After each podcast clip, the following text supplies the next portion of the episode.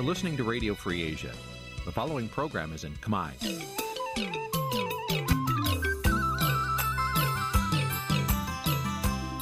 Nǐ chi càm bi tiệp xáy vệt chiu a zì sê ray នេះជាកម្មវិធីផ្សាយរបស់ Vithu Azisari ជាភាសាខ្មែរ វត្តឈូអាស៊ីសេរីសូមស្វាគមន៍លោកអ្នកនាងទាំងអស់ពីរដ្ឋធានី Washington នៃសហរដ្ឋអាមេរិក។ បាទពីទីក្រុងមែលប៊នប្រទេសអូស្ត្រាលីខ្ញុំបាទថាថៃសូមជម្រាបសួរលោកនាងកញ្ញាដែលកំពុងតាមដានការផ្សាយរបស់វិទ្យុអាស៊ីសេរីទាំងអស់ជាទីមេត្រីយើងខ្ញុំសូមជូនកម្មវិធីផ្សាយ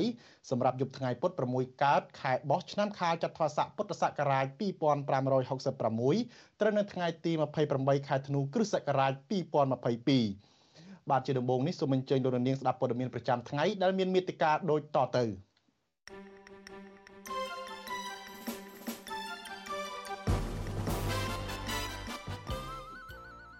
សាលាធរសម្រាប់ដំកល់សាលក្រមលើសំណុំរឿងកញ្ញាឈឹមស៊ីធទុកជាបានការដដែលមន្ត្រីសង្គមស៊ីវិលស្នើទៅលោកហ៊ុនសែនឲ្យដោះស្រាយចំនួនដីធ្លីកុំប្រកាន់បកពួកសមត្ថកិច្ចខេត្តប្រសេនុបញ្ជូនជនសង្ស័យ5នាក់ទៅតុលាការរឿងបង្ខាំងមនុស្សខុសច្បាប់ កូនសកម្មជនព្រៃឡង់ម្នាក់ប្រឈមការបោះបង់ការសិក្សាដោយសារជីវភាពខ្វះខាតក្រោយពីឪពុកស្លាប់រួមនឹងព័ត៌មានសំខាន់សំខាន់មួយចំនួនទៀត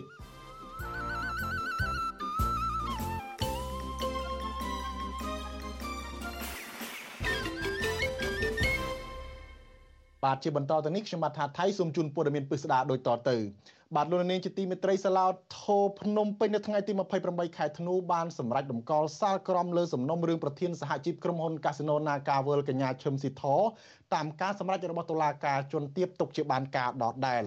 គឧតកោមន្ត្រីសង្គមស៊ីវិលនិងមេធាវីចាត់ទុកសេចក្តីសម្រេចរបស់តុលាការជាន់ខ្ពស់នេះថាគឺជារឿងអយុត្តិធម៌ពួកគាត់រិះគន់ថាតុលាការគ្មានហេតុផលអ្វីបន្តឃុំខ្លួនកញ្ញាឈឹមស៊ីធនោះទេ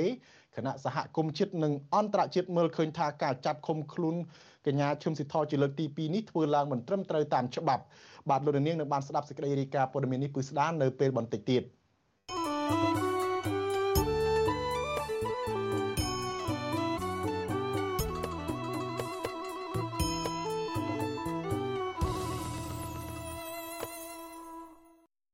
បាទយើងងាកទៅមើលប្រសាសន៍របស់លោកនាយរដ្ឋមន្ត្រីហ៊ុនសែនវិញគឺមន្ត្រីសង្គមស៊ីវិលរិះគន់ថាការលើកឡើងរបស់លោកនាយរដ្ឋមន្ត្រីហ៊ុនសែនអំពីការចាត់ចងកន្លងមកនោះគឺមិនមានដំណាភាពនិងមានការប្រកាន់បកពួកមន្ត្រីអង្គការសង្គមស៊ីវិលស្នើទៅលោកនាយរដ្ឋមន្ត្រីហ៊ុនសែនគូដោះស្រាយបញ្ហាចាត់ចងឬការចាត់ប្រកាន់ប្រជាពលរដ្ឋឲ្យមានដំឲ្យមានដំណាភាពនិងកុំប្រកាន់បកពួកការលើកឡើងដូចនេះក្រោយពេលដែលលោកហ៊ុនសែនចេញមុខធានាឲ្យបុគ្គលិក ទូរទស្សន៍បាយ័នដែលធ្វើការនៅក្រោមនៅក្នុងស្ថាប័នដែលគ្រប់គ្រងដោយកូនស្រីរបស់លោកឲ្យនៅក្រៅឃុំបណ្ដោះអាសន្នករណីលក់ដីខ្យល់តម្លៃជិត40លានដុល្លារបាទអ្នកស្រីម៉ៅសុធានីរាយការណ៍ព័ត៌មាននេះលោកនាយករដ្ឋមន្ត្រីហ៊ុនសែនលើកឡើងពីភាពអយុត្តិធម៌នៃការចាប់ចងបរដ្ឋរឿងបញ្ហាដីធ្លីនិងចាប់ខ្លួនបរដ្ឋខុសច្បាប់នាពេលនេះខណៈដែលមនុស្សក្បែរខ្លួនរបស់លោកជួបបញ្ហានេះ។ ទោះយ៉ាងណាមន្ត្រីសង្គមស៊ីវិលចង់ឃើញការដោះស្រាយបញ្ហានេះឲ្យបានទូលំទូលាយនិងស្មើភាពលើបរិបទទូទៅដែលជួបបញ្ហានាយកទទួលបន្ទុកកិច្ចការទូតនៅអង្គការលីកាដូលោកអំសំអាតគាំទ្រប្រសាសន៍របស់លោកនាយករដ្ឋមន្ត្រីហ៊ុនសែនលោកថាករណីចំនួនដីធ្លីមិនមែនជាបាត់ល្មើសជាក់ស្ដែងដូច្នេះសមត្ថកិច្ចមិនគួរចាប់ខ្លួនបរដ្ឋដែលមានចំនួនដីធ្លីនោះឡើយ។ លោកអំសំអាតលើកឡើងទៀតថាដើម្បីឲ្យបរដ្ឋអាចទទួលបានយុត្តិធម៌ដោយច្បាប់ចែងគួរតែមានការកែតម្រង់ប្រព័ន្ធតុលាការខណៈដែលប្រព័ន្ធយុត្តិធម៌សពថ្ងៃមិនទាន់អាចឆ្លើយតបទៅនឹងបញ្ហារបស់ប្រជាពលរដ្ឋបានឡើយ រឿងបាត់ល្មើសខ្លះដែលកើតចេញពីវិវាទដីធ្លីគឺរឿងស៊ីវិលម្ចាស់មិនដឹងទៅបែរទៅជាដឹងរឿងគ្រប់បន្ទាន់វិញសាលាការគួរតែពិចារណាថាបានគ្រប់ទាំងជ្រោយមុននឹងសម្រេចក្នុងការចោទកម្មឬក៏ចេញពីការទៅសមត្ថកិច្ចឲ្យចាប់ខ្លួនហើយសមត្ថកិច្ចដូចគ្នាដែរត្រូវតែពិនិត្យមើលឲ្យបានច្បាស់លាស់សិនមុនធ្វើការចាប់ខ្លួនណា ស្រដៀងគ្នានេះដែរប្រធានសម្ព័ន្ធសហគមន៍កសិករកម្ពុជាលោកថេងសាវឿនសង្កេតឃើញថាប្រព័ន្ធតឡាការកំពុងរងការរិះគន់ថាបានគៀបសង្កត់លើបរិវត្តក្រីក្រដែលមានបញ្ហាជាមួយអ្នកមានលុយនិងអ្នកមានអំណាចលោកបន្តថាការអនុវត្តការងាររបស់តុលាការហាក់មានប្រសិទ្ធភាពតែលើអ្នកមានលុយមានអំណាចក្នុងការគៀបសង្កត់លើបរិវត្តដែលមានបញ្ហាដីធ្លី ក៏ប៉ុន្តែបរដ្ឋក្រីក្រកម្រទទួលបានយុត្តិធម៌ពីតុលាការណាលោកថាការបង្កើតភាពអយុត្តិធម៌បែបនេះនឹងជះឥទ្ធិពលមិនល្អដល់រដ្ឋាភិបាលមន្ត្រីសង្គមស៊ីវិលធ្វើការងារជាមួយកសិកររូបនេះស្នើទៅរដ្ឋាភិបាលលោកហ៊ុនសែនគួរតែអនុវត្តច្បាប់ឲ្យបានទូលំទូលាយ។ ខ្ញុំគិតថាការអនុវត្តនៅប្រព័ន្ធយុទ្ធធម៌គឺត្រូវធ្វើលក្ខណៈដោយតម្លាភាពមិនផ្ដោតតែទៅលើចិត្តបោះឆ្នោតដើម្បីទីងកឬក៏តាក់ទាញនៅសម្លេងមតិទេហើយមួយវិញទៀតពលរដ្ឋពេលបច្ចុប្បន្ននេះគាត់យល់ដឹងច្បាស់ណាស់ថាមុនបោះឆ្នោតឬក៏ក្រោយបោះឆ្នោតក៏ដោយទោះបីជាមានការអំពាវនាវឬក៏រហូតដល់មានការប៉ះពាល់ដែរក៏ប៉ុន្តែគាត់នៅតែវិនិច្ឆ័យនិងវិនិច្ឆ័យថាប្រព័ន្ធយុទ្ធធម៌មិនទាន់មានតម្លាភាពក្នុងការផ្ដល់យុទ្ធធម៌ជូនដល់ប្រជាពលរដ្ឋ លោកថេងសវឿនលើកឡើងទៀតថានៅពេលដែលលោកនាយករដ្ឋមន្ត្រីហ៊ុនសែនចេញអនុសាសន៍គេតែងតែឃើញមន្ត្រីថ្នាក់ក្រោមអនុវត្តភ្លាមភ្លាមក៏ប៉ុន្តែបានតែមួយរយៈខ្លីប៉ុណ្ណោះហើយក្រោយមកមន្ត្រីខលខូចក៏បន្តគៀបសង្កត់បរដ្ឋដដែលលោកក៏បានស្នើទៅប្រមុខរដ្ឋាភិបាលថានៅពេលដែលចេញអនុសាសន៍រួចហើយគួរតែតាមដានការអនុវត្តការងាររបស់មន្ត្រីថ្នាក់ក្រោមមន្ត្រីសង្គមស៊ីវិលលើកឡើងដូចនេះ ក្រោយដែលលោកនាយករដ្ឋមន្ត្រីហ៊ុនសែនបានចេញមុខធ្វើអន្តរាគមទាមទារទៅកងរាជអាវុធហត្ថរាជធានីភ្នំពេញឲ្យដោះលែងបុគ្គលិកទូរទស្សន៍បាយ័នម្នាក់ដែលមានចំនួនរឿងដីធ្លីជាមួយនឹងឈ្មួញរកស៊ីដីធ្លីសមត្ថកិច្ចបានចាប់ខ្លួនបុគ្គលិកទូរទស្សន៍បាយ័នរូបនេះនៅក្នុងសំណុំរឿងលក់ដីខ្យល់តម្លៃ36លានដុល្លារលោកនាយករដ្ឋមន្ត្រីហ៊ុនសែនលើកឡើងដូចនេះ កាលពីថ្ងៃទី27ខែធ្នូក្នុងពិធីបិទសន្និបាតបូកសរុបលទ្ធផលការងារឆ្នាំ2022និងលើកទិដៅការងារឆ្នាំ2023របស់ក្រសួងរៀបចំដែនដីនគររូបនីយកម្មនិងសំណង់លោកនាយករដ្ឋមន្ត្រីហ៊ុនសែនក៏បានស្នើទៅតុលាការនិងសមត្ថកិច្ចគួរគុំប្រញាប់ចាប់ខ្លួនបរិវត្តពេកដែលត្រូវតែមានការស៊ើបអង្កេតឲ្យបានល្អិតល្អន់ជាមុនសិន។ លោកហ៊ុនសែនក៏ប្រមានដកឋានៈនគរបាលយុតិធធដែលបានយកទួនាទីរបស់ខ្លួនចាប់ចងប្រជាពលរដ្ឋ បុគ្គលិកបាយ័នម្នាក់ត្រូវបានចាប់ខ្លួនហើយខ្ញុំធានាហើយនៅក្រៅឃុំសិតហើយខ្ញុំបញ្ជូនមេធាវីរបស់ខ្ញុំទៅការពារក្តីឲ្យរឿងដើមហេតុអីបានជាគឺថាអ្នកនឹងចូលរួមជាមួយនឹងអ្នកណានោះលក់ដីអីដីខ្យល់ដីអីមិនដឹងទេប៉ុន្តែបើរវល់របបទៅរឿងចាប់រឿងចងរឿងចាប់រឿងចងនោះវាយ៉ាងម៉េចហើយដីខ្យល់នោះអានឹងធ្វើទៅតាមច្បាប់តាមត្រឡប់ទៅក៏ប៉ុន្តែពួកយើងនឹងកុំបញ្ញាប់បញ្ញាល់រឿងចាប់ពេកបានទេខ្ញុំសូមវក លោកនាយករដ្ឋមន្ត្រីហ៊ុនសែនក៏រំលឹកទៅក្រុមការងាររដ្ឋាភិបាល ដែលដោះស្រាយវិវាទដីធ្លីក្រៅប្រព័ន្ធតុលាការថាត្រូវតែដោះស្រាយបញ្ហានេះដោយគ្មានការលំអៀងទៅក្រុមណាមួយទៅមិនបង្កការឈឺចាប់ដល់ប្រជាពលរដ្ឋ អង្គការសិទ្ធិមនុស្សលីកាដូឲ្យដឹងថាយ៉ាងហោចណាស់អ្នកជាប់ឃុំមនសិការចំនួន49នាក់កំពុងជាប់ឃុំដោយអយុត្តិធម៌ដោយសារការធ្វើសកម្មភាពនយោបាយបរិស្ថាន សង្គមដីធ្លី ឬក៏ការងាររបស់ពួកគាត់មន្ត្រីសិទ្ធិមនុស្សលោកអំសំអាតថ្នាក់ទៅរដ្ឋាភិបាល គួរតែពិនិត្យឡើងវិញពីការចាប់ខ្លួនសកម្មជននយោបាយសកម្មជនសិទ្ធិមនុស្សនិងអ្នកធ្វើការងារសង្គមផ្សេងផ្សេងទៀត ដើម្បីឲ្យពួកគាត់អាចវិលទៅរស់នៅជួបជុំក្រុមគ្រួសារចាននាងខ្ញុំម៉ៃសុធានីវិទ្យុអាស៊ីស្រី ប្រធានាធិបតី Washington បាទលោកនាងជាទីមេត្រីក្នុងគណៈពេលដែលពិភពលោកកំពុងធូរស្រាលពីវិបត្តិជំងឺ Covid-19 នៅឯប្រទេសចិនឯណោះវិញបាទប្រទេសចិនស្រាប់តែពេលនេះកំពុងតែឆ្លងការរីករាលដាលជាថ្មីទៀតនៅជំងឺ Covid-19 អ្នកជំនាញវិទ្យាសាស្ត្រអះអាងថាក្នុងមួយថ្ងៃប្រទេសចិនមានអ្នកឆ្លងជំងឺ Covid-19 យ៉ាងហោចណាស់5000នាក់ហើយចំនួនអ្នកឆ្លងសរុបគិតមកទល់ថ្ងៃនេះគឺមានចំនួនជាង1លានអ្នកហើយតើនេះ អាចជាគ្រោះថ្នាក់អាសន្នសម្រាប់ពិភពលោកជាថ្មីទៀតឬយ៉ាងណាបាទសូមលោកនាងរងចាំស្ដាប់កិច្ចសម្ភាសផ្ទាល់រវាងលោកជុនច័ន្ទបុតជាមួយនឹងអសតការីលឹមសួរអំពីរឿងនេះនាពេលបន្តិចទៀតនេះបាទលោកនាងនឹងបានស្វែងយល់ជាច្រើនអំពីមូលហេតុនានាដែលធ្វើឲ្យប្រទេសចិនផ្ទុះការរាលដាលជំងឺ Covid-19 ជាថ្មីឡើងវិញនេះនិងជាពិសេសលោកនាងនឹងបានស្វែងយល់ថាតើគូអនុវត្តវិធានការផ្ទាល់ខ្លួនបែបណាខ្លះដើម្បីការពារខ្លួនបាទបទសម្ភាសផ្ទាល់នេះនឹងចាប់ផ្ដើមនៅពេលបន្តិចទៀតនេះសូមអរគុណ thank you ប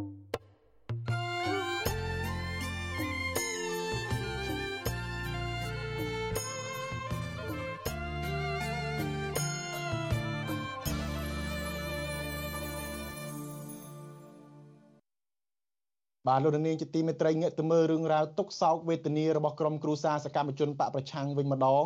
កូនប្រុសរបស់ក្រុមគ្រួសកម្មជនបកប្រឆាំងនៅឯខេត្តព្រៃវែងដែលឪពុកកំពុងជាប់ឃុំនៅក្នុងពន្ធនាគារជិត3ឆ្នាំនោះ បានទទួលរងទុកផ្ទួនផ្ទួននៅក្នុងគ្រួសារខណៈម្ដាយឈឺចិត្តស្អិតទ្រូងរហូតដល់ស្លាប់ចោលប្តីនឹងកូនជាទីស្រឡាញ់បើទោះបីជាស្ថិតក្នុងគ្រាលំបាកបែបនេះក្តីពួកគាត់បានពុះពៀគ្រប់ឧបសគ្គតស៊ូប្រកបរបរដើរលក់លៀសនិងសណ្ដែកដីស្ងោដើម្បីរកផ្កាក់ដើម្បីរកប្រាក់ផ្គត់ផ្គង់គ្រួសារមន្ត្រីសង្គមស៊ីវិលយល់ថារដ្ឋាភិបាលលំមដល់ពេលបញ្ចប់វិបត្តិនយោបាយ និងបើកឱកាសឲ្យពលរដ្ឋគ្រប់រូបគ្រប់និន្នាការនយោបាយមានសេរីភាពនិងរស់នៅជួបជុំក្រុមគ្រួសារឡើងវិញបាទលោកយ៉ងច័ន្ទរារាយការណ៍ព័ត៌មាននេះកូនកូនរបស់សកម្មជនគណៈបកសង្គ្រោះជាតិលោកសុកចន្ទថាកំពុងតែរស់នៅក្នុងជីវភាពលំបាកនិងលាយឡំជាមួយទុក្ខសោកដោយសារតែឪពុកជាប់ពន្ធនាគារហើយម្ដាយទើបតែស្លាប់ថ្មីថ្មីនេះទៀតកូនកូនទាំង3នាក់របស់លោករស់នៅភូមិ5ឃុំព្រែកខ្សាយខស្រុកពីមរខេត្តព្រៃវែង កូនប្រុសរបស់លោកសុកចន្ទថាលោកសុកចម្រើនរៀបរាប់ប្រាប់វិទ្យុអាស៊ីសេរីថាក្រោយបាត់បង់បង្គោលគ្រួសារលោកត្រូវរ៉ាប់រងប្រាក់ចិញ្ចឹមគ្រួសារដោយដើររាវលៀសតាមបឹងនិងដើរលក់សណ្ដែកដីស្ងោពីភូមិមួយទៅភូមិមួយទៀតដើម្បីរកប្រាក់ដោះស្រាយជីវភាព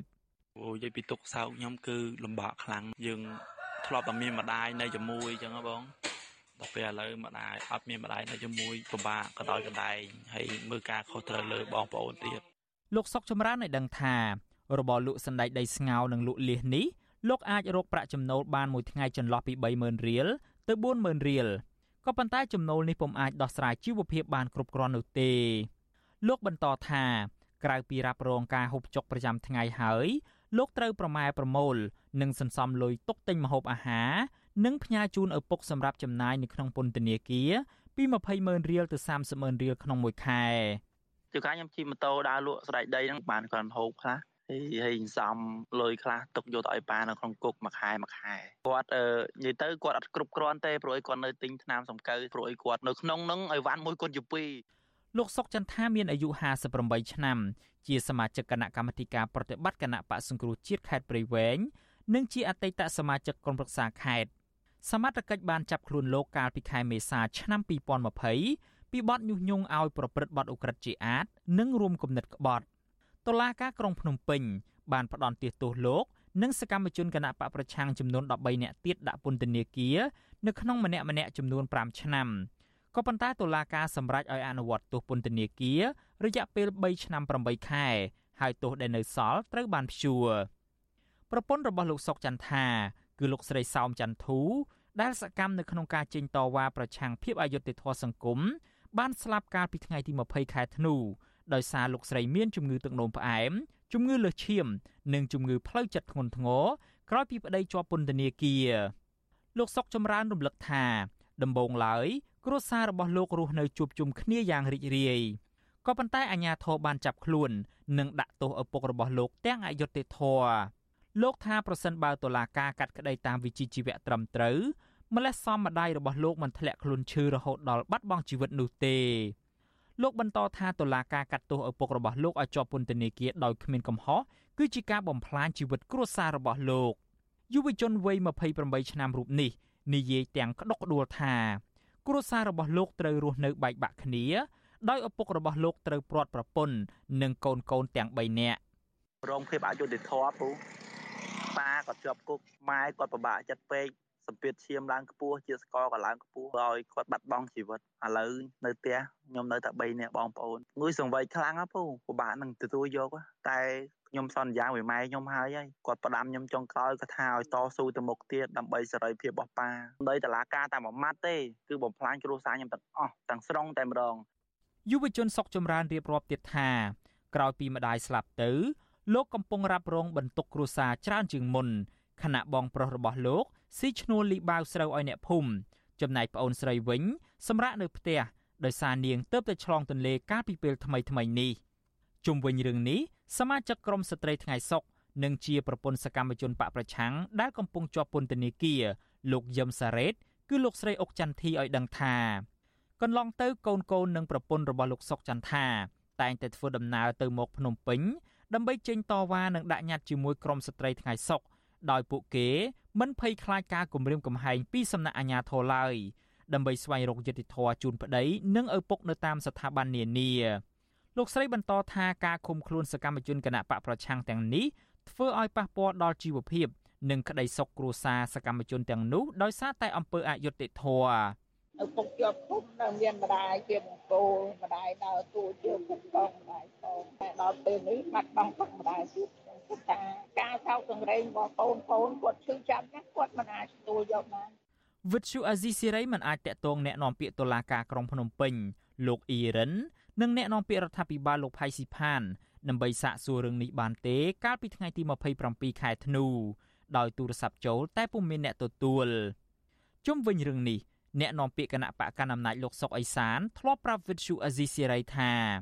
ការចាប់និងឃុំខ្លួនសកម្មជនគណៈបកប្រឆាំងជាបន្តបន្ទាប់នោះគឺជាការអនុវត្តច្បាប់របស់ស្ថាប័នតុលាការក៏ប៉ុន្តែមន្ត្រីជាន់ខ្ពស់គណៈបកសង្គ្រោះជាតិលោកម៉ែនសថាវរិនលើកឡើងថាការបន្តឃុំខ្លួនសកម្មជនបកប្រឆាំងរហូតមកដល់ពេលនេះបង្ហាញថាលោកហ៊ុនសែនជាមេដឹកនាំគ្មានគុណធម៌លោកម៉ែនសុថាវរិនថ្លែងទៀតថាលោកគោរពនិងកោតសរសើរចំពោះការលះបង់ដ៏ធំធេងរបស់ក្រុមគ្រួសារលោកសុកចន្ទថា រួមទាំងក្រុមគ្រួសាររបស់សកម្មជនផ្សេងទៀតនៅក្នុងបុព្វហេតុទាមទារសិទ្ធិសេរីភាពដោយមិនខ្លាចការធ្វើទុកបុកម្នេញនិងការគំរាមកំហែងពីសំណាក់អាជ្ញាធរជីវភាពរស់នៅរបស់អ្នកនៅក្នុងពន្ធនាគារហើយនឹងកូនប្រពន្ធក្រុមគូសានោះគឺថាវេទនាមែនតើណាគាត់តស៊ូហើយយើងទាំងអស់គ្នាមានចិត្តស្ញើចសរសើរអ្នកប្រជាធិបតេយ្យខ្លាំងមែនតើបាទមកទល់នឹងពេលនេះមានសកម្មជនគណៈបកប្រឆាំងនិងអ្នករិះគន់រដ្ឋាភិបាលយ៉ាងហោចណាស់ចំនួន60នាក់ កំពុងជាប់ឃុំនៅក្នុងពន្ធនាគារដោយសារតែការអនុវត្តសិទ្ធិសេរីភាពរបស់ខ្លួនប្រធានសមាគមការពារសិទ្ធិមនុស្សអាត6លោកនីសុខាយល់ឃើញថាការចាប់ចងដាក់ពន្ធនាគារជាបន្តបន្ទាប់បានបង្កឲ្យមានភាពឈឺចាប់និងផ្ដល់រូបភាពមិនល្អដល់សង្គមជាតិ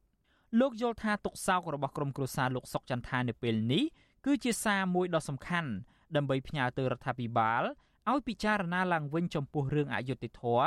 ដែលកើតឡើងលើសកម្មជននយោបាយកន្លងមកវាឈឺចាប់ណាស់ដូច្នេះយើងគួរតែគិតពិចារណាឲ្យមែនតើនេះជាបទពិសោធន៍មួយដែលយើងធ្លាប់ជួបប្រទះក្នុងសម័យខ្មែរក្រហមហើយយើងមិនគួរណាបន្តធ្វើឲ្យអ្នកដទៃមានការឈឺចាប់រងគ្រោះដោយសារតែអំពើអយុត្តិធម៌អញ្ចឹងទៀតអង្គការជាតិនិងអន្តរជាតិជាច្រើនរួមទាំងទីភ្នាក់ងារអង្គការសហប្រជាជាតិនិងក្រមប្រទេសប្រជាធិបតេយ្យធំធំ បានថ្កោលទោសការចាប់ខ្លួនសកម្មជនគណៈបកប្រឆាំងទាំងនេះថាជារឿងនយោបាយ និងគ្មានមូលដ្ឋានច្បាប់ពួកគេបន្តទាមទាររដ្ឋាភិបាលដោះលែងអ្នកជាប់ឃុំទាំងនោះដោយឥតលក្ខខណ្ឌកូនប្រុសរបស់លោកសុកចន្ទថាយុវជនសុកចម្រើន អំពាវនាវដល់សប្បុរសជន ជួយឧបត្ថម្ភថវិកាទៅតាមសន្តានចិត្តដល់គ្រួសាររបស់លោក ដែលកំពុងជួបបញ្ហាជីវភាពក្នុងគ្រាលំបាកនេះជាមួយគ្នានេះលោកអំពាវនាវយ៉ាងទទូចដល់រដ្ឋាភិបាល និងតុលាការឲ្យដោះលែងឪពុករបស់លោក និងអ្នកជាប់ឃុំដោយសារតែមូលហេតុនយោបាយទាំងអស់ ដើម្បីឲ្យពួកគាត់បានវិលត្រឡប់មករស់នៅជួបជុំក្រុមគ្រួសារឡើងវិញខ្ញុំយ៉ងច័ន្ទដារាវិទ្យុអាស៊ីសេរីរាយការណ៍ពីរដ្ឋធានី Washington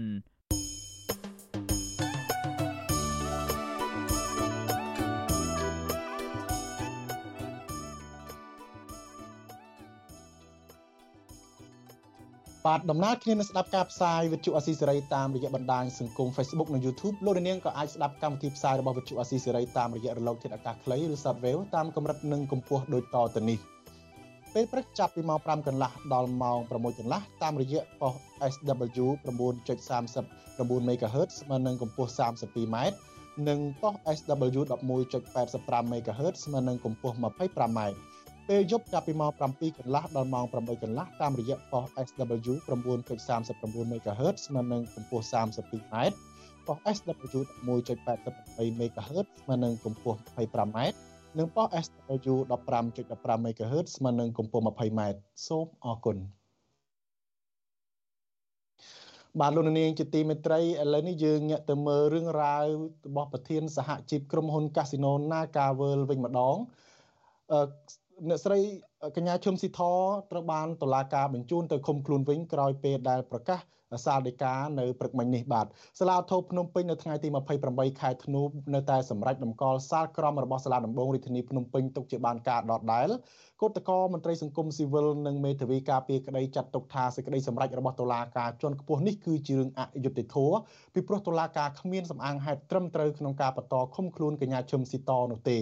សហគមន៍ជាតិនិងអន្តរជាតិក៏តែងតែទទូចម្ដងហើយម្ដងទៀតឲ្យមានការដោះលែងមេដឹកនាំសហជីពវ័យក្មេងរូបនេះដែរ បាទលោកមានរិទ្ធរាយការណ៍ព័ត៌មាននេះក្រុមប្រឹក្សាជំនុំជម្រះនៃសាលាធរភ្នំពេញសមាងហេតុផលថាសំណុំរឿងរបស់ប្រធានសហជីពក្រុមហ៊ុន Nagawal កញ្ញាឈឹមស៊ីធត្រូវបានជំនុំជម្រះនៅតុលាការជាន់ទាបរួចរាល់ហើយ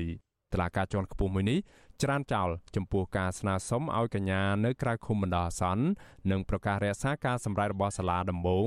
ទុកជាបានការដដែល ក្រុមកោតក្រ Nagawal និងមេធាវីការពីក្តីខកចិត្តចំពោះការសម្រេចរបស់សាលាធរដែលមិនអនុញ្ញាតឲ្យកញ្ញាឈឹមស៊ីធនៅក្រៅឃុំបណ្ដោះអាសន្នអនុប្រធានសហជីពក្រុមហ៊ុន Nagawal លោកស្រីឈឹមសុខនប្រាវិសុយស៊ីស្រីថាលោកស្រីសោកស្ដាយចំពោះការសម្រេចរបស់សាលាធរដែលដំកល់សាលក្រមលើសំណុំរឿងកញ្ញាឈឹមស៊ីធទុកជាបានការដដែល។ លោកស្រីថាក្រុមកោតក្រនឹងនៅតែចេញធ្វើកោតកម្មដោយសន្តិវិធីទាមទាររកដំណោះស្រាយការងារនិងដោះលែងកញ្ញាឈឹមស៊ីធឲ្យមានសេរីភាពឡើងវិញ។ ខ្ញុំមានការសោកស្ដាយហើយក៏មានការខកចិត្តដែរព្រោះនិយាយទៅបើតាមនីតិវិធីច្បាប់ហ្នឹងគឺយើងមើលឃើញថាគាត់អត់មានខុសអីទេមើលទៅតឡាការក៏គាត់ទទួលស្គាល់ថាដូចជាអត់បានអាសនំរឿងដែលយើងអត់បានទទួលលិខិតបំរាមអីហ្នឹងតែដល់ពេលជាក់ស្ដែងសាវនាការមកតម្កល់រឿងទុកជាបានការពួកខ្ញុំមានការសោកស្ដាយលោកស្រីឈឹមសុខនឲ្យដឹងទៀតថាថ្មីត្បិតកញ្ញាឈឹមស៊ីធ មានទឹកមុខស្លេកស្លាំងកញ្ញាបានផ្ដាំដល់ក្រុមកោតក្រថាកញ្ញានឹងនៅតែរឹងមាំនិងកុំឲ្យព្រួយបារម្ភពីសុខភាពរបស់កញ្ញាជុំវិញរឿងនេះដែរមេធាវីការពីក្តីឲ្យកញ្ញាឈឹមស៊ីធលោកសំចម្រើនរិះគន់ថាការសម្រេចសារដីការបស់សាលាធរមិនបានផ្ដល់យុត្តិធម៌ដល់កូនក្តីរបស់លោកឡើយត្បិតទាំងលោកជាមេធាវីនិងកូនក្តីរបស់លោកមិនដែលបានដឹងអំពីបំរាមរបស់តុលាការមិនឲ្យកូនក្តីរបស់លោកចាក់ចេញទៅក្រៅប្រទេសនោះទេ ក្រោយការសម្រេចរបស់សាលាធរលោកមេធាវីសំចម្រើននិងកូនក្តីក៏បានរៀបចំឯកសារប្តឹងសារទុកទៅតុលាការកំពូល ដើម្បីស្នើឲ្យដោះលែងកញ្ញាឈឹមស៊ីធនៅក្រៅឃុំបណ្ដោះអាសន្នយើងមានអារម្មណ៍សោកស្ដាយដែរដោយសារថាជាកំហុសនីតិវិធីសោះហើយត្រូវបានតុលាការសម្រេចឃុំខ្លួនចាប់ហើយឃុំខ្លួនអញ្ចឹងយើងសោកស្ដាយដែរណាដែលជារឿងកំហុសនីតិវិធីតូចតាចហើយដោយគាត់បានទទួលដំណឹងពីនៃការសម្រេចដាក់កម្មការគ្រប់នៅទាំងផង អាញាធរដ្ឋាភិបាលលោកហ៊ុនសែនបានចាប់ខ្លួនកញ្ញាឈឹមស៊ីធកាលពីថ្ងៃទី26ខែវិច្ឆិកាភ្លាមភ្លាមក្រោយពីកញ្ញាវិលត្រឡប់មកពីចូលរួមសមាយរបស់សហភាពសហជីពអន្តរជាតិនៅប្រទេសអូស្ត្រាលីទាំងតឡាការជាន់ទាបនិងទាំងសាលាឧទ្ធរបានចោទប្រកាន់ថាមូលហេតុនៃការចាប់ខ្លួននិងបន្តឃុំខ្លួនកញ្ញានៅក្នុងគុកនេះគឺដោយសារតែកញ្ញាបានចាក់ចេញពីកម្ពុជា ដោយគ្មានការអនុញ្ញាតពីចៅក្រមស៊ើបសួរ ក៏ប៉ុន្តែទាំងមេធាវីនិងទាំងកញ្ញាឈឹមស៊ីធបានអះអាងថាពួកគេមិនដែលទទួលបានការជូនដំណឹងអំពីបំរាមលើការធ្វើដំណើរចាក់ចេញពីកម្ពុជាទៅក្រៅប្រទេសឬការរឹតបន្តឹងលក្ខខណ្ឌដទៃទៀតនៅក្នុងគ្រាដែលកញ្ញានៅក្រៅឃុំបណ្ដោះអាសន្ននោះទេ នាយកទទួលបន្ទុកកិច្ចការទូតនៃអង្គការលីកាដូលោកអំសមាតសោកស្ដាយចំពោះការសម្ដែងរបស់សាលាធរព្រោះលោកថាការចោទប្រកាន់កញ្ញាឈឹមស៊ីធថាបានល្មើសបំរាមតឡាការនេះពុំមែនជាការទទួលខុសត្រូវរបស់កញ្ញានោះទេផ្ទុយទៅវិញលោកថាករណីនេះគឺជាកំហុសនីតិវិធីតុលាការនិងអាជ្ញាធរ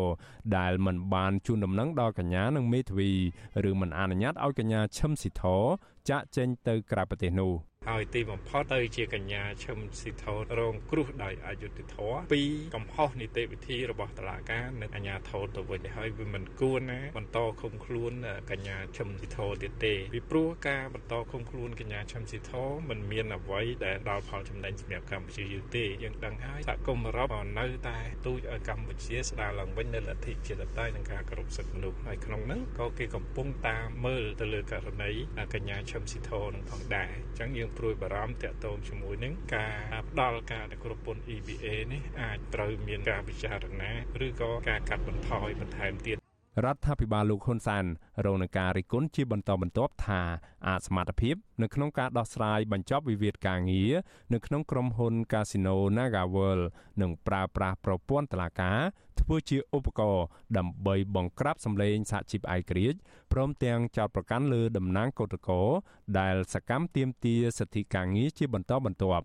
ក្រុមអ្នកជំនាញផ្នែកសិទ្ធិមនុស្សជាតិនិងអន្តរជាតិចាត់ទុកការចាប់ខ្លួនប្រធានសហជីពកញ្ញាឈឹមស៊ីធជាលើកទី2នេះថាជាការអនុវត្តផ្ទុយពីច្បាប់រដ្ឋធម្មនុញ្ញ ប្រទេសប្រជាធិបតេយ្យធំធំមួយចំនួន ដូចជាសហរដ្ឋអាមេរិកអូស្ត្រាលីក្រុមសហជីពអន្តរជាតិរួមទាំងភ្នាក់ងារអង្គការសហប្រជាជាតិផង បានស្នើដល់រដ្ឋាភិបាលកម្ពុជាឲ្យដោះលែងកញ្ញាឈឹមស៊ីធឲ្យមានសេរីភាពឡើងវិញដោយឥតលក្ខខណ្ឌនិងទម្លាក់ចោលបទចោទប្រកាន់លើតំណាងកោតក្រទាំងអស់ហើយត្រូវងាកមកដោះស្រាយវិវាទការងារនេះប្រកបដោយយុត្តិធម៌និងផ្អែកលើមូលដ្ឋានច្បាប់ជាតិនិងអន្តរជាតិខ្ញុំបាទមេរិត Visual C ស្រីរាយការណ៍ពីរដ្ឋធានី Washington បាទលោកនាងជាទីមេត្រីឥឡូវនេះយើងបានភ្ជាប់ទូរស័ព្ទទៅការអនុប្រធានសហជីពត្រួតត្រងសិទ្ធិការងារបុគ្គលិកកម្មករខ្មែរនៃក្រុមហ៊ុន Casino Nagaworld គឺកញ្ញាឈឹមសខនដើម្បីសាកសួរកញ្ញាបន្ថែមទៀតបាទជំរាបសួរកញ្ញាឈឹមសខនបាទចាជំរាបសួរបាទ អរគុណបាទដែលបានចូលរួមជាមួយយើងនៅរាត្រីនេះបាទព្រឹកមិញនេះឃើញកញ្ញាឈឹមសខនក៏បានចូលទៅតុលាការដែរនៅតុលាការឧទ្ធរដើម្បីតាមដានដំណើរការសវនាការសំណុំរឿងសុំនៅក្រៅឃុំរបស់កញ្ញាឈឹមស៊ីធតើព្រឹកមិញនេះបានជួបជជែកជាមួយនឹងកញ្ញាឈឹមស៊ីធអីយ៉ាងម៉េចខ្លះទេបាទចាព្រឹកមិញនេះពួកខ្ញុំតាមពិត3នាក់បានចូលនឹងដោយសារមេធាវីស្នើសុំឲ្យពួកខ្ញុំ3នាក់ហ្នឹង អឺធ្វើជាសាក់សីអឺដែលពួកខ្ញុំនៅក្នុងសំណុំរឿងហ្នឹងជាមួយគាត់ដែរកាលពីជាប់ឃុំលើកមុនហ្នឹងពួកខ្ញុំវាស្ថិតនៅក្នុងសំណុំរឿងហើយឲ្យមកធ្វើសាក់សីហ្នឹងដោយសារពួកខ្ញុំហ្នឹងក៏អត់បានទទួលអាបំរាមហ្នឹងដូចគ្នាហើយចឹងទៅក៏គេអនុញ្ញាតឲ្យចូលបាន3នាក់ហើយចូលទៅហ្នឹងខ្ញុំក៏បានជួបគាត់ហើយនិយាយសួរសុខទុក្ខគ្នា បានយូរដែរតម្រាំតែគាត់បានចូលសាវនាការនឹងហើយពេលដែលចូលសាវនាការនឹងជាស្ដែងខ្ញុំជាសាក់សីនឹងខ្ញុំក៏អត់បានត្រូវអនុញ្ញាតឲ្យចូលទៅសាវនាការដែរដោយគេឲ្យយើងអង្គុយចាំនៅក្រៅនៅពេលណាដែលគេត្រូវការសាក់សីគេនឹងហៅអញ្ចឹងណាបាទបាទអឺអញ្ចឹងមានន័យថាកញ្ញាឈឹមសខនក៏ធ្លាប់ត្រូវបានអាជ្ញាធរចាប់ខ្លួន ជាមួយនឹងកញ្ញាឈឹមស៊ីធកាលពីលើកទី1ដែរហើយត្រូវបានដោះលែងជាមួយគ្នាប៉ុន្តែកញ្ញាឈឹមសុខុនផ្ទាល់ក៏ដូចជាកញ្ញាឈឹមស៊ីធដែរគឺថាអត់ដែលបានទទួលបំរាមពីតុលាការនឹងអត់ដែលដឹងឮដូចគ្នាបាទពីរឿងហាមចេញក្រៅប្រទេសហ្នឹងចាជាក់ស្ដែងពួកខ្ញុំចេញមកសំណុំរឿងជាមួយគ្នាបត់ញុះញង់ហ្នឹងគឺពួកខ្ញុំអត់បានទទួលដីកាហាម5អីពីតុលាការទេគឺបានតែទទួលលិខិត ដោះលែងពីពន្ធនាគារតែមួយស្លឹកគត់និយាយក្នុងលិខិតហ្នឹងក៏គេអត់បានបញ្ជាក់ពីការហាម5អីដែរអញ្ចឹងទៅពួកខ្ញុំអត់បានដឹងថាពេលដែលពួកខ្ញុំចេញមកហ្នឹងពួកខ្ញុំត្រូវមានបំរាមអីខ្លះចឹងពួកខ្ញុំអត់ដឹងទេដោយសារមូលហេតុពួកខ្ញុំអត់ដែលបានធ្លាប់ជាប់គុកទេអញ្ចឹងនីតិវិធីរបស់តុលាការមិនយើងអត់ដឹងចាបាទបាទអឺបាទលោកនាងជាទីមេត្រីគឺថាដោយសារតែរឿងបំរាមរបស់តុលាការហាមចេញក្រៅប្រទេសនេះហើយជាដើមចំដែលត្រូវបានអាជ្ញាធរក្រុងភ្នំពេញនឹងចាប់ឃុំខ្លួនកញ្ញាឈឹមស៊ីធឡើងវិញបាទ អឺព្រឹកមិញនេះចង់ងាកទៅរឿងស្ថានភាពនៅក្នុងតុលាការនេះនៅក្នុងពេលដែលជួបផ្ទាល់កញ្ញាឈឹមស៊ីថននោះពីព្រោះរយៈពេលជាង1ខែទៅហើយដែលគាត់ត្រូវបានគេចាប់ឃុំខ្លួននៅក្នុងពន្ធនាគារនឹងដែលមិនទាន់មាននរណាបានទៅជួបទេក្រៅពីមេធាវីនឹងហើយព្រឹកមិញនេះជាលើកដំបូងដែលអឺក្រមគុតកោនាការវើនឹងបានឃើញហើយបានជួបជាមួយនឹងកញ្ញាឈឹមស៊ីថតតើស្ថានភាពសុខភាពរបស់គាត់ អីនឹងស្មារតីរបស់គាត់នឹងបែបណាដែរបាទអឺជាក់ស្ដែងគាត់បានប្រាប់បានខ្ញុំបានសួរសុខទុក្ខគាត់ទៅគាត់ថាអឺគាត់នឹងសុខភាពល្អអត់អីទេអត់មានបញ្ហាអីទេប៉ុន្តែជាក់ស្ដែងខ្ញុំជឿជាក់ថាអឺមិនដែរថាអត់អីទេព្រោះនៅក្នុងពន្ធនាគារខ្ញុំក៏ធ្លាប់ឆ្លងកាត់នៅក្នុងនឹងរយៈពេល2ខែដែរអញ្ចឹងវាមិនស្រួលដូចដូចដែលយើងនៅផ្ទះយើងទេអ្វីដែលគាត់និយាយខ្ញុំគិតថាគ្រាន់តែជាការ និយាយធ្វើកុំឲ្យកុំឲ្យពួកខ្ញុំបារម្ភអីអញ្ចឹង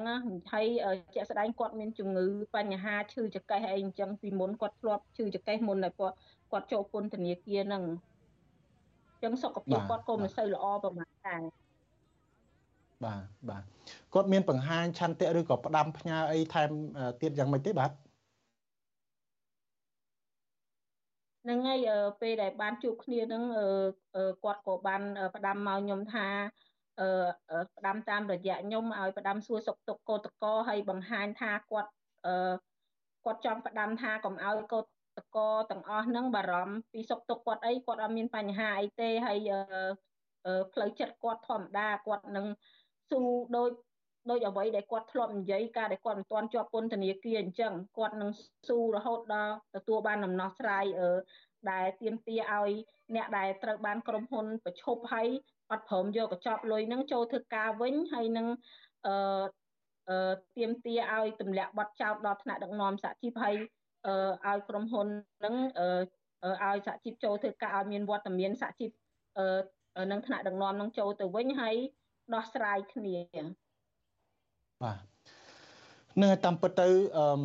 យើងឃើញក្រុមគឧតកោណាការវើទាំងអស់បានខិតខំតស៊ូសម្បីតែនៅក្នុងពិធីបុណ្យ អឺ Christmas ឬបុណ្យ Noel ដែលទៅនឹងកន្លងផុតទៅនេះហើយនៅក្នុងឱកាសឆ្នាំថ្មីនេះគឺថាក្រុមគ្រួសារគេដទៃនឹងកំពុងតែជួបជុំសប្បាយរីករាយពិធីបុណ្យឆ្លងឆ្នាំផងនិងពិធីបុណ្យអឺ No Noel ផងហើយប៉ុន្តែដោយឡែកក្រុមគឧតកោនាការវើនឹងខ្ញុំឃើញថាมันបានជួបជុំក្រុមគ្រួសារសប្បាយរីករាយទេគឺនាំគ្នាបន្តទៀមទាអឺ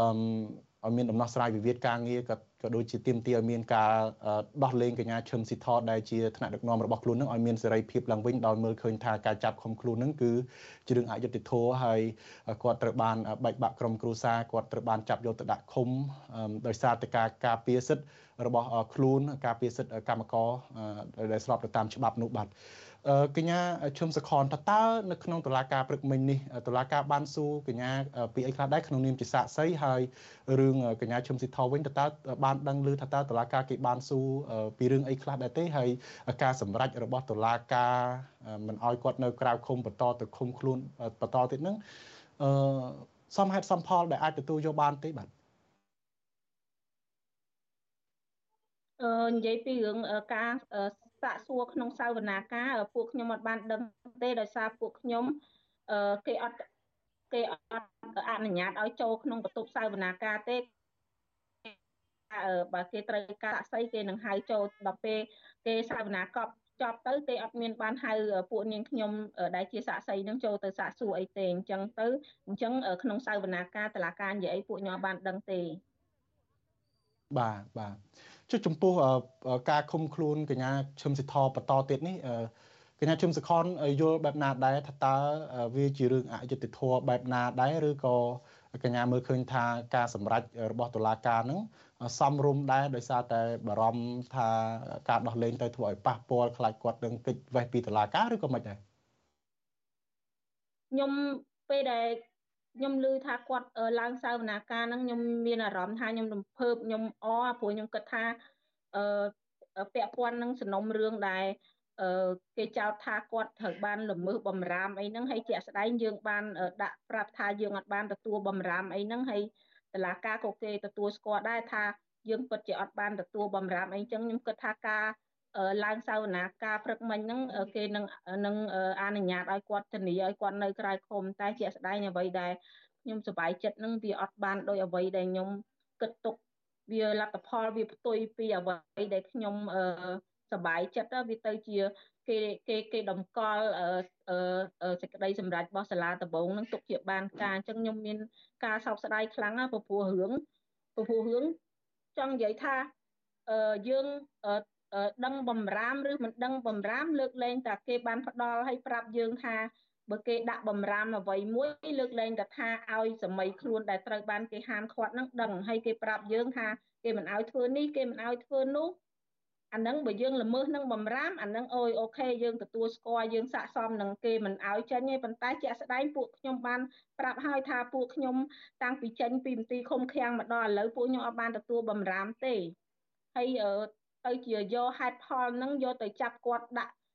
ពន្ធនាគារហើយមិនមិនមិនមិនអនុញ្ញាតឲ្យគេធានាគាត់នៅក្រៅឃុំអីហ្នឹងខ្ញុំមានអារម្មណ៍ថាវាអយុត្តិធម៌ចំពោះគាត់ព្រោះអីខ្ញុំគិតខ្ញុំពេលហ្នឹងខ្ញុំសប្បាយចិត្តខ្ញុំគិតថាចុងឆ្នាំគេឡើងតឡាការមុនចុងឆ្នាំអញ្ចឹងបើគេឲ្យគាត់មានសេរីភាពគាត់បានជួបជុំគ្រួសារព្រោះអីជាធម្មតាយើងចុងឆ្នាំគ្រួសារផ្សេងផ្សេងគេបានជួបជុំ គ្រួសារគេគ្រប់គ្នាដល់ពេលទៅជាការចេញសាវនាការមកបែរជាអត់បានដូចអ្វីដែលខ្ញុំសប្បាយចិត្តនឹងខ្ញុំមានអារម្មណ៍ថាខ្ញុំសោកស្ដាយខ្លាំងហើយវាអយុត្តិធម៌ខ្លាំងហ្មងចំពោះគាត់បាទអឺកញ្ញាឈឹមសខតអឺ តកតោនឹងរឿងវិវាទនៅក្នុងក្រុមហ៊ុន Nagawer នេះបានអូសបន្លាយពេលជាង1ឆ្នាំទៅហើយមកទល់ពេលនេះការតវ៉ាធ្វើឡើងនៅក្បែររដ្ឋសភាដែលជាកន្លែងតាក់តែងច្បាប់ កន្លែងតំណាងរាស្ត្រដែលតំណាងឲ្យប្រជាពលរដ្ឋហើយក៏នៅក្បែរភូមិគ្រឹះរបស់លោកនាយករដ្ឋមន្ត្រីហ៊ុនសែនដែរក៏ប៉ុន្តែសម្រែកតវ៉ាសម្រែកទុកសោករបស់ក្រុមគឧតកោណាកាវើនឹងមិនទទួលបានការឆ្លើយតបមិនទទួលបានការយកចិត្តទុកដាក់ឬក៏លើកឡើងជាចំហសោះពីប្រមុខរដ្ឋាភិបាលលោកនាយករដ្ឋមន្ត្រីហ៊ុនសែនខាងមន្ត្រីរដ្ឋាភិបាលខាងតំណាងរាស្ត្ររបស់គណៈបកកណ្ដាលអំណាចថែមទាំងចោតប្រកាន់ទៅលើ កតកោនាការវើនឹងថាស៊ីឈ្នួលធ្វើកតកម្មអុកឡុកធ្វើឲ្យមានភាពចលាចលនៅក្នុងប្រទេសអីជាដើមហើយទន្ទឹមនឹងនេះនឹងខាងលោកនាយករដ្ឋមន្ត្រីហ៊ុនសែនថ្មីថ្មីនេះនឹងលោកបែរជាទទួលស្គាល់ដែរថាការចាប់ខ្លួនប្រជាពលរដ្ឋ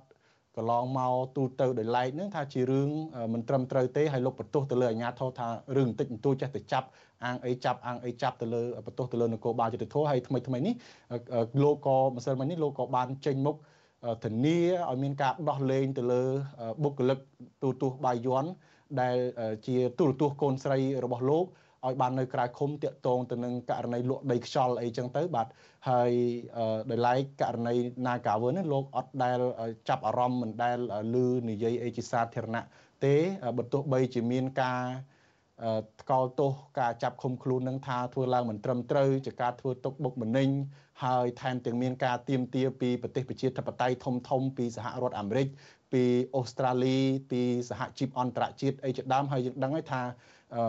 កន្លងមកពីមេដឹកនាំសហជីពមួយចំនួនគាត់យល់ថានៅពេលដែលមានការទៀមទាធំបែបនេះនឹងគឺថាអាចធ្វើឲ្យគេឈ្មោះកម្ពុជានឹងមិនល្អទេតាក់ទងទៅនឹងការចាប់ឃុំខ្លួនកញ្ញាឈឹមស៊ីធនឹងរហូតដល់អាចមានឥទ្ធិពលទៅដល់ប្រទេសមួយចំនួនហើយធ្វើឲ្យប៉ះពាល់ទៅដល់ទំនាក់ទំនងពាណិជ្ជកម្មអីជាមួយនឹងបណ្ដាប្រទេសទាំងនោះផងពីព្រោះជាក់ស្ដែងរឿង ABA នេះគឺថាបញ្ហាសិទ្ធិការងារបញ្ហាអីនេះក៏ជាផ្នែកមួយដែលរួមចំណែកនាំឲ្យមានការ កាត់ផ្តាច់ប្រព័ន្ធអនុគ្រោះពន្ធ EBA ពីសហភាពអឺរ៉ុបដែរបូករួមជាមួយនឹងបញ្ហា រំលោភសិទ្ធិមនុស្សបញ្ហាសិទ្ធិនយោបាយអីជាដើមបាទតើតើកញ្ញាយល់យ៉ាងម៉េចដែរឆ្លោះប្រចាំងម៉េចដែរចំពោះអ្វីដែលលោកនាយរដ្ឋមន្ត្រីហ៊ុនសែនថ្លែង ពាក់ព័ន្ធទៅនឹងការចាប់ខ្លួនទៅលើអ្នកដែលធ្វើការនៅក្នុងស្ថាប័នរបស់លោកហើយបង្ហាញពីភាពអយុត្តិធម៌នៅក្នុងសង្គមអីចឹងទៅប៉ុន្តែបែរជារឿងរ៉ាវដែលកើតឡើងចំពោះពលរដ្ឋផ្សេងទៀតដែលមិនពាក់ព័ន្ធជាមួយនឹងពួកលោកនឹងបែរជាចោទថាចោទធ្ងន់ធ្ងរហើយថែមទាំងមិនព្រមដោះលែងអីចឹងបាទនឹងហើយជាក់ស្ដែងនឹងសាររបស់ប្រមុខរដ្ឋាភិបាលគាត់ថ្លែងនៅក្នុងកម្មវិធីបិទ បិទស្អីគេចុងឆ្នាំរបស់គាត់ហ្នឹងខ្ញុំបានស្ដាប់ដែរហើយសារមួយដែលខ្ញុំពេញចិត្តហ្នឹងគឺគាត់និយាយថាតឡាការកុំចេះតាចាប់គេមុននឹងចាប់គេសួរអីហ្នឹងខ្ញុំខ្ញុំមានអារម្មណ៍ថានិយាយបែបហ្នឹងគឺខ្ញុំចូលចិត្តហើយខ្ញុំចង់ឲ្យរដ្ឋាភិបាលហ្នឹងគាត់ធ្វើឲ្យបានគ្រប់គ្រប់គ្នាឲ្យគាត់ឆែកមើលឲ្យបានគ្រប់គ្នាមិនមិនមែនលំអៀងដូចជា ខេសរបស់ពួកខ្ញុំបើនិយាយទៅការតស៊ូហើយការស្រែកដង្ហើយឲ្យមានការដោះស្រាយនឹងរយៈពេលបើមែនតែនទៅបើសាច់ធ្វើកោតកម្មមួយឆ្នាំប៉ុន្តែបើសិនបើបើយើងគិតតាំងពីយើងដោះស្រាយលក្ខណៈផ្ទៃក្នុងអីវាចូល2ឆ្នាំហើយប៉ុន្តែគាត់ធ្វើហាក់ដូចជាមិនមិនលឺសម្រេចពួកកម្មករមិនលឺសម្រេចពួកខ្ញុំអីអញ្ចឹងហើយដល់ពេលជាក់ស្ដែងដល់ពេលមានរឿងចាប់បុគ្គលិកនៅ ទូទូបៃយ័នអីអញ្ចឹងគាត់ធ្វើអន្តរាគមភ្លាមភ្លាមខ្ញុំមានអារម្មណ៍ថាវាជាការលំអៀងហើយបង្កើតភាពអយុត្តិធម៌បង្កើតភាពអយុត្តិធម៌បន្ថែមទៀតមកលើពួកខ្ញុំចង់និយាយថាពួកខ្ញុំធ្វើតស៊ូឡើងរយៈពេលមួយឆ្នាំហើយធ្វើកោតកម្មអហិង្សាបែរជាអត់អត់មានដំណោះស្រាយអីហើយគ្រាន់តែប៉ះពាល់ដល់បុគ្គលិកអឺអឺបុគ្គលិកអឺ ទូទាស់ប៉ុស្តិ៍បាយ័នដែលជាដែលយើងដឹងថាទូទាស់នឹងជាអ្នកគ្រប់គ្រងគឺជាកូនស្រីរបស់ប្រមុខរដ្ឋរដ្ឋាភិបាលអីអញ្ចឹងគាត់ចេញប្រតិកម្មភ្លាមភ្លាមពួកខ្ញុំមានអារម្មណ៍ថាលំអៀងខ្លាំងហើយបន្ថែមរឿងអយុត្តិធម៌ឲ្យពួកខ្ញុំកាន់តែខ្លាំងឡើងខ្លាំងឡើងបាទអរគុណកញ្ញាជឹមសខនចុងក្រោយនេះសូមកញ្ញាមើលទៅកាមេរ៉ាហើយមានសារអីបំពេញនៅទៅរដ្ឋាភិបាលនឹងបន្តធ្វើយ៉ាងណាទៀតបាទ ចាចុងក្រោយនេះខ្ញុំស្នើឲ្យរាជរដ្ឋាភិបាលគាត់ដោះស្រាយដោយជាអាជ្ញាកណ្ដាលដោយអ្វីដែលគាត់និយាយអញ្ចឹងកុំលំអៀងទៅលើដូចដូចជារបៀបថាជាខេសរបស់ពាក់ព័ន្ធនឹងក្រមគ្រួសារបពពួករបស់របស់គាត់មានអញ្ចឹងឲ្យគាត់ដោះស្រាយជាលក្ខណៈទាំងអស់គ្នាទូទៅឲ្យដើរតួជាអាជ្ញាកណ្ដាលក្នុងនាមរដ្ឋាភិបាលដើម្បីឲ្យ កម្មករនឹងគាត់មានអារម្មណ៍ថាគាត់មានភាពកក់ក្ដៅហើយកុំបន្ថែមឲ្យរឿងអយុត្តិធម៌ហ្នឹងវាអត់មានផលចំណេញអីដល់ប្រទេសកម្ពុជាយើងទេ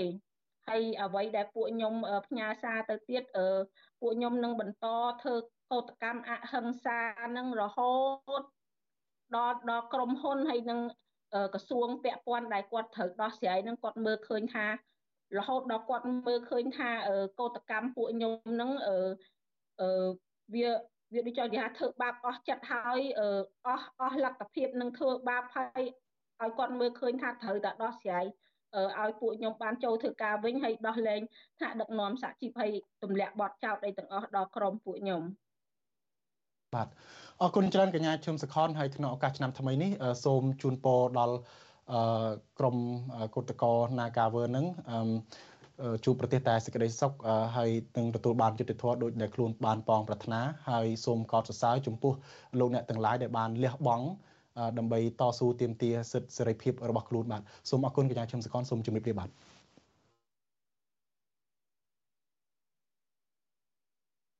បាទលោកនាងជាទីមេត្រីតកតងនឹងរឿង COVID វិញបាទក្នុងខណៈដែលពិភពលោកកំពុងធូរស្រាលពីការរីករាលដាលនៃជំងឺ COVID-19 នៅឯប្រទេសចិនឯណោះស្រាប់តែមានករណីផ្ទុះឆ្លងរីករាលដាលជាថ្មីយ៉ាងកំហុកទៅវិញអ្នកជំនាញវិទ្យាសាស្ត្រអះអាងថាក្នុងមួយថ្ងៃប្រទេសចិនមានអ្នកឆ្លងជំងឺ Covid យ៉ាងហោចណាស់5000នាក់ហើយចំនួនអ្នកឆ្លងសរុបគិតមកទល់នឹងថ្ងៃនេះគឺ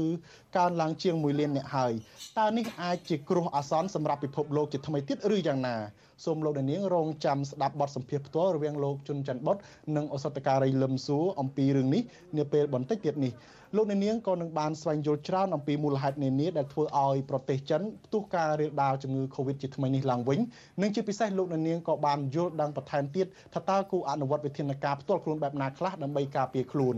បាទបទសម្ភាសន៍នេះនឹងចាប់ផ្ដើមនាពេលបន្តិចទៀតនេះសូមអរគុណ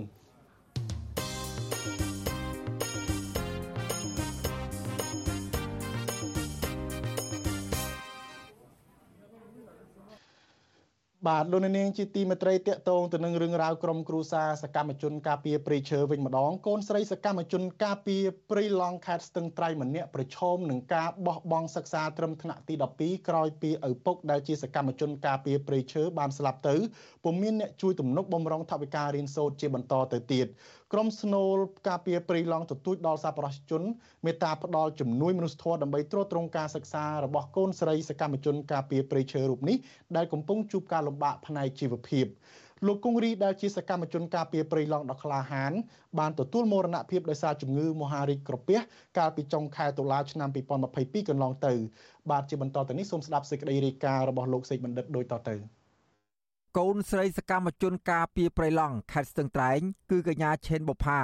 ដែលទើបតែបញ្ចប់ការសិក្សាថ្នាក់ទី11ហើយនឹងត្រៀមបន្តការសិក្សាថ្នាក់ទី12នៅទីរួមខេត្តស្ទឹងត្រែងនៅដើមឆ្នាំ2023ខាងមុខនេះ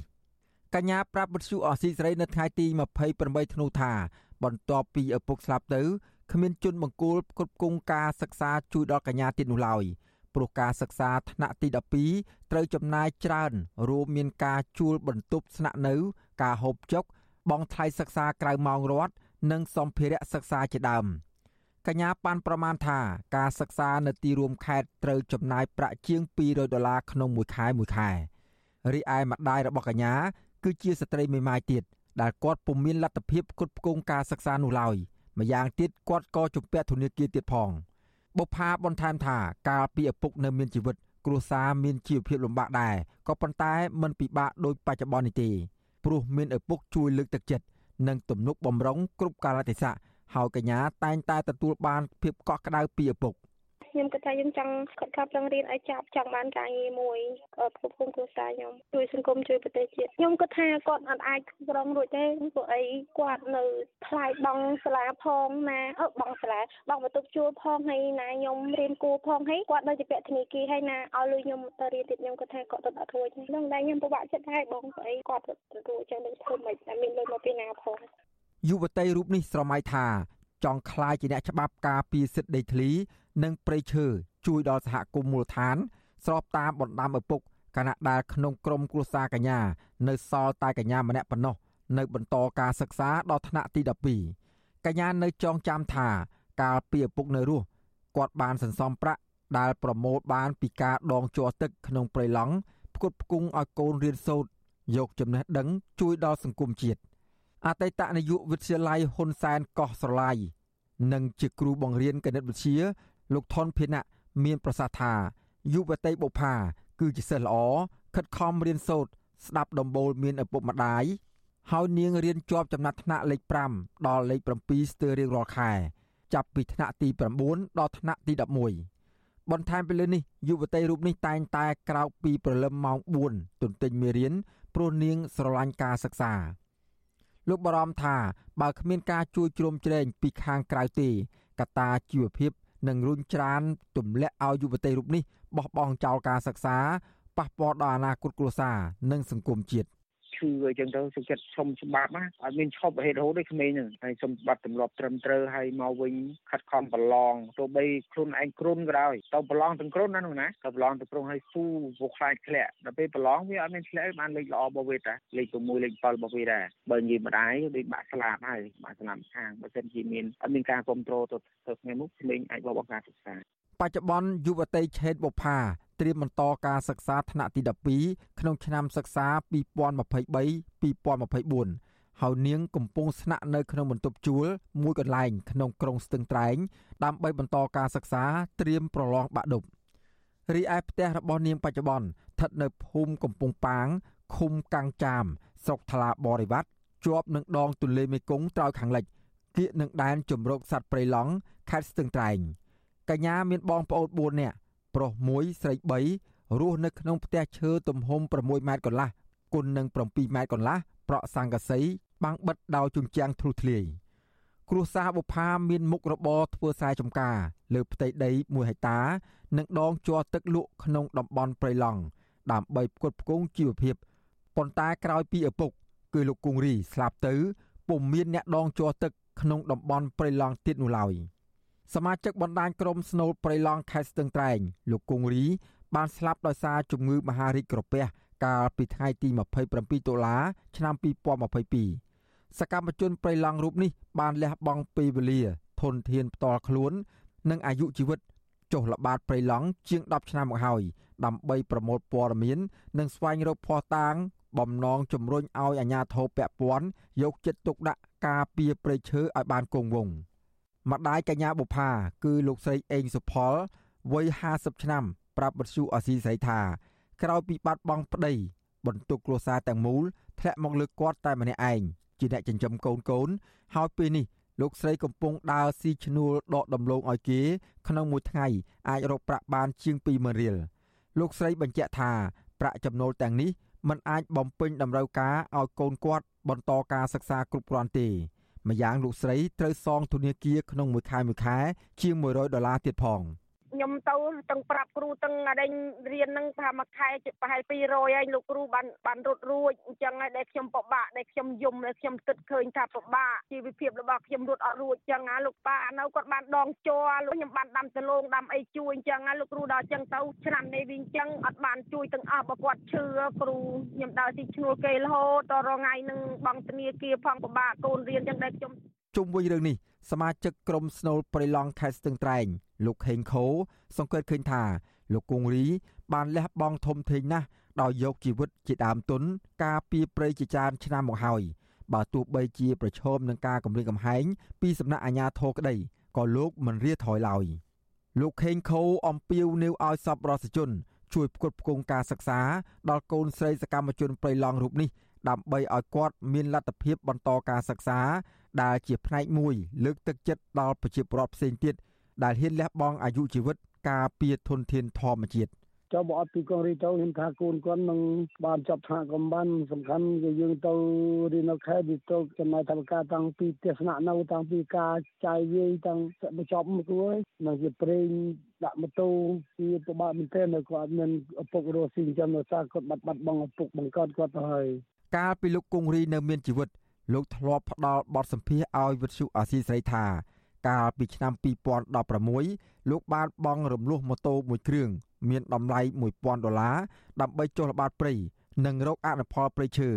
ហើយទម្រាំតែសងប្រាក់ធនាគារដាច់ម៉ូតូរបស់លោកបានខូចខាតអស់ស្ទើរតែទាំងស្រុងដោយសារផ្លូវចូលព្រៃឡង់លំបាកខ្លាំងលោកបន្តថាលោកបានលក់ក្របីដើម្បីបង្ក្រប់លុយទិញម៉ូតូចុះល្បាតព្រៃហើយក្នុងពេលចុះល្បាតព្រៃម្ដងម្ដង លោកបានជួបឧបសគ្គជាច្រើន ក្នុងនោះមានការខ្វះខាតប្រេងសាំងខ្វះថ្នាំពេទ្យនិងទឹកស្អាតបរិភោគជាពិសេសភ័យខ្លាចមន្ត្រីបរិស្ថានចាប់ខ្លួនដោយចោទថាពួកលោកចូលព្រៃពុំមានការអនុញ្ញាតបរោះសម្បល់ខ្មៅស្រអែមរូបនេះមិនទុកចិត្តឆ្មាំអភិរក្សព្រៃរបស់ក្រសួងបរិស្ថាន ដែលឈរជើងយាមព្រៃឡង់នោះទេ ស្របពេលដែលក្រសួងបរិស្ថាន នៅតែអនុញ្ញាតឲ្យក្រុមជនល្មើសលួចចូលអាឈើក្នុងព្រៃឡង់ជាហូហែ ហើយអាជ្ញាធរមានចេតនាលាក់បាំងព័ត៌មាន និងសកម្មភាពកាប់ឈើធំធំ និងការទុនទ្រានព្រៃឡង់ខុសច្បាប់ជាដើមខ្ញុំបាទសេកបណ្ឌិតវុទ្ធុអាស៊ីសេរីពីរដ្ឋធានីវ៉ាស៊ីនតោន បាទលោកនាងជាទីមេត្រីក្នុងពេលដែលពិភពលោកបានធូរស្បើយពីការឆ្លងរាលដាលនៃជំងឺ Covid-19 ប្រទេសចិនឯណោះវិញកំពុងតែផ្ទុះជំងឺ Covid-19 យ៉ាងកំហុកទៅវិញអ្នកជំនាញវិទ្យាសាស្ត្រអះអាងថានៅក្នុងប្រទេសចិនមួយថ្ងៃគឺមានអ្នកឆ្លងជំងឺ Covid យ៉ាងហោចណាស់ចំនួន5000នាក់ហើយគិតមកដល់ពេលនេះសរុបអ្នកឆ្លងបានកើនដល់ជាង1លាននាក់ហើយ បាទតើនេះអាចជាគ្រោះអាសន្នសម្រាប់ពិភពលោកជាថ្មីទៀតឬយ៉ាងណាបាទសូមលោកនាងរងចាំស្ដាប់បទសម្ភាសន៍នេះរវាងលោកជុនច័ន្ទបុតជាមួយនឹងអសតការីលឹមសួរនាពេលបន្តិចទៀតនេះបាទងាកទៅរឿងបញ្ហាកសិកម្មវិញគឺកសិករដាំមៀននៅខេត្តបៃលិននិងខេត្តបាត់ដំបងចោតសហគមន៍មៀនបៃលិនថាទម្លាក់តម្លៃមៀនប៉ះពាល់ដល់ជីវភាពរបស់ពួកគាត់សង្គមស៊ីវិលស្នើឲ្យស្ថាប័នពាក់ព័ន្ធពិនិត្យមើលរឿងនេះដើម្បីដោះស្រាយជូនកសិករបាទលោកចង់លោកយ៉ងចន្ទរារាយការណ៍ព័ត៌មាននេះ ក្រមកសិករដាំមៀនឲ្យដឹងថាពួកគាត់បានរងការកេងប្រវ័ញ្ចពីសហគមន៍មៀនបៃលិនពួកគាត់បញ្ជាក់ថាសហគមន៍បានចុះកុងត្រាទទួលទិញផ្លែមៀននៅក្នុងតម្លៃជាង3000រៀលក្នុង1គីឡូក្រាមក៏ប៉ុន្តែនៅពេលដល់អាយុត្រូវបេះបែរជាសហគមន៍មៀនបេះយកតែផ្លែមួយចំនួន ហើយក្រៅពីនោះគេគិតតម្លៃឲ្យកសិករមិនស្មើ10%នៃតម្លៃកិច្ចសន្យាផង កសិករដាំមៀនមួយរូបនៅខេត្តបាត់ដំបង លោកថេតរិទ្ធីប្រាប់វិទ្យុអាស៊ីសេរីនៅថ្ងៃទី28ធ្នូថាលោកបានចុះកុងត្រាលក់ឲ្យខាងសហគមន៍មានខេត្តបៃលិនក៏ប៉ុន្តែដោយសារការប្រមូលផលរបស់ពួកគេបេះយកតែផ្លែធំប្រមាណ20%នៅក្នុងតម្លៃកុងត្រាជាង3000រៀលក្នុង1គីឡូក្រាមហើយផ្លែមាននៅសល់ឲ្យតម្លៃលោកត្រឹមតែ300រៀលនៅក្នុង1គីឡូក្រាមដែលស្មើនឹង10%នៃតម្លៃនៅក្នុងកុងត្រា លោកបញ្ជាក់ថាលោកបានបញ្ឈប់កុងត្រានិងលក់ផ្លែមៀនទៅឲ្យឈ្មួញនៅភ្នំពេញដែលបេះយកទាំងអស់បានតម្លៃជាង2000រៀលក្នុង1គីឡូក្រាមក៏ប៉ុន្តែលោកត្រូវបានខាងសហគមន៍មានបៃលិនប្តឹងនិងទារប្រាក់សំណងជំងឺចិត្ត1គុណជា3ទៅវិញ វាមានបញ្ហាថាខ្មៅថាចំតងថាផ្លែអាធំពេកក៏មិនយកអាទូចពេកក៏មិនយកបញ្ហាមិនចេះចប់មកហើយខ្ញុំរកមួយថ្មីដល់ពេលគេបេះហ៎បងមកជាការក្នុង100តោនណាគេអត់មានជំរុះអាតម្លៃ300នោះតា5គីឡូគ្មានផងបងតែបើខ្ញុំឲ្យសហគមន៍ចូលបេះខ្ញុំព្រោះខ្ញុំឆ្លឹបបេះមុនមុនណាបងក្នុង100តោននោះបេះបានយ៉ាងច្រើនលុយ3ទៅ40000ដុល្លារទេមកហើយខ្ញុំទទួលយកបាទស្រដៀងគ្នានេះកសិករដាំមៀនម្នាក់ទៀតនៅក្រុងប៉ៃលិនលោកសេងភ័ក្រលក្ខថ្លែងថា លោកដាំមៀនបាន2000ដើមហើយពេលផ្លែមៀនដល់អាយុប្រមូលផលលោកធ្លាប់ទៅតាក់ទងខាងសហគមន៍មៀនបៃលិនដើម្បីសាកសួរអំពីតម្លៃដែរហើយខាងសហគមន៍មៀនក៏ថានឹងទិញនៅក្នុងតម្លៃថ្លៃក៏ប៉ុន្តែមិនបានបញ្ជាក់តម្លៃប៉ុន្មាននោះឡើយ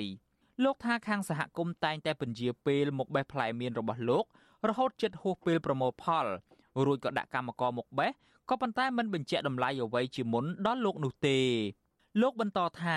ដោយសាររកស៊ីមិនស្មោះត្រង់លោកក៏សម្រេចចិត្តលក់ផ្លែមៀនឲ្យឈ្មួញដតីវិញ នៅក្នុងតម្លៃជាង2000រៀលក្នុង1គីឡូក្រាមព្រោះលោកមិនទាន់ចុះកុងត្រាជាមួយខាងសហគមន៍មានបៃលិននៅឡើយទេលោកបន្តថាកន្លងមកឈ្មួញទទួលទិញផ្លែមៀននៅក្នុងតម្លៃជាង3000រៀលក្នុង1គីឡូក្រាមក៏ប៉ុន្តែសប្តាហ៍ថ្ងៃពួកគេបានបង្អាប់និងទម្លាក់តម្លៃដោយលើកហេតុផលថាផ្លែមានកសិករសម្បុររៀងខ្មៅ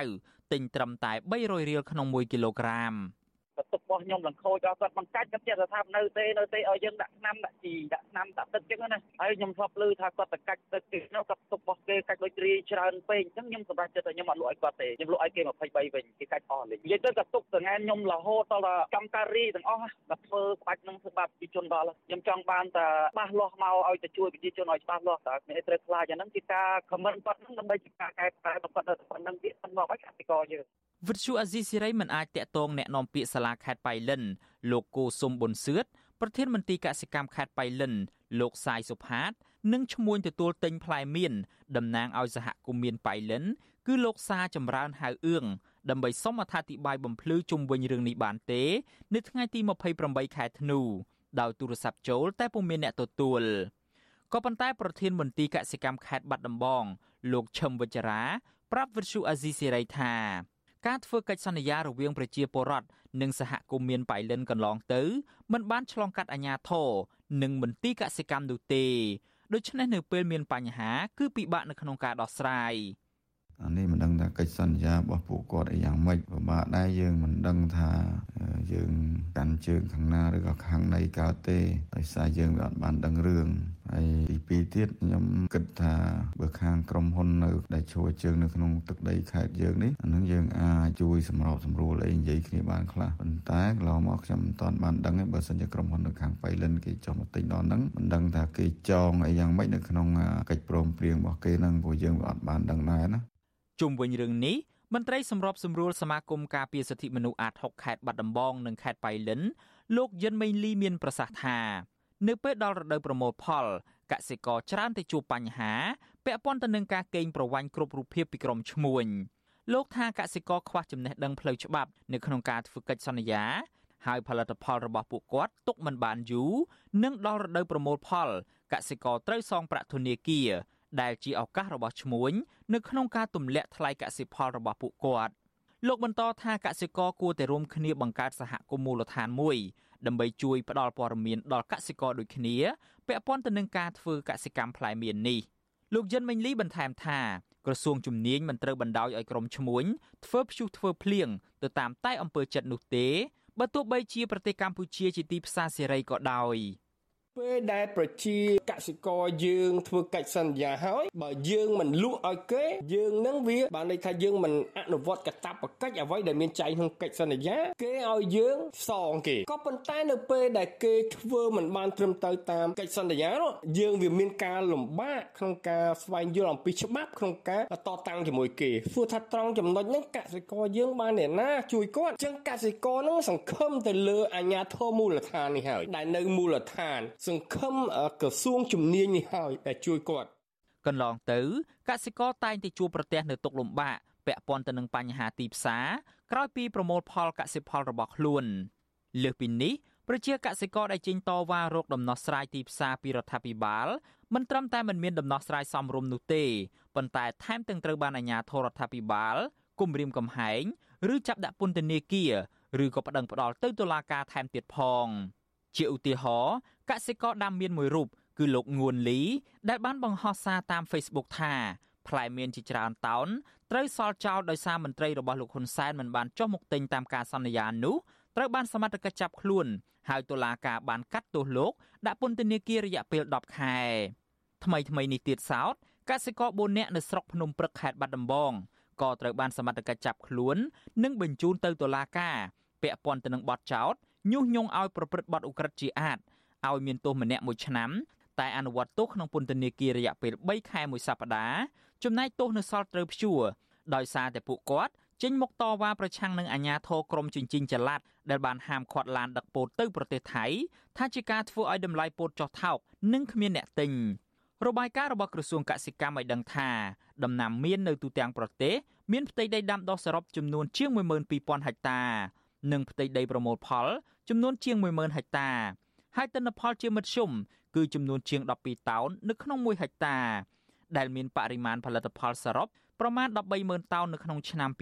2021ប្រជាពលរដ្ឋនិងអង្គការសង្គមស៊ីវិលអំពាវនាវដល់រដ្ឋាភិបាលនិងក្រសួងពាក់ព័ន្ធគួរតែយកចិត្តទុកដាក់លើប្រព័ន្ធសវត្ថិភាពដើម្បីអភិវឌ្ឍវិស័យកសិកម្មនៅកម្ពុជាតាមរយៈការធ្វើផលិតកម្មដោយផ្ដោតទៅលើមុខដំណាំ និងប្រភេទសត្វ ជាមួយគ្នានេះរដ្ឋាភិបាលក៏គួរផ្សព្វផ្សាយអំពីផ្ទៃដីដាំដុះដំណាំជាប្រចាំនិងឲ្យបានទូលំទូលាយដើម្បីឲ្យកសិករទទួលបានព័ត៌មានច្បាស់លាស់ពីផែនការកសិកម្មខ្ញុំយ៉ងច័ន្ទដារាវិទ្យុអាស៊ីសេរីរាយការណ៍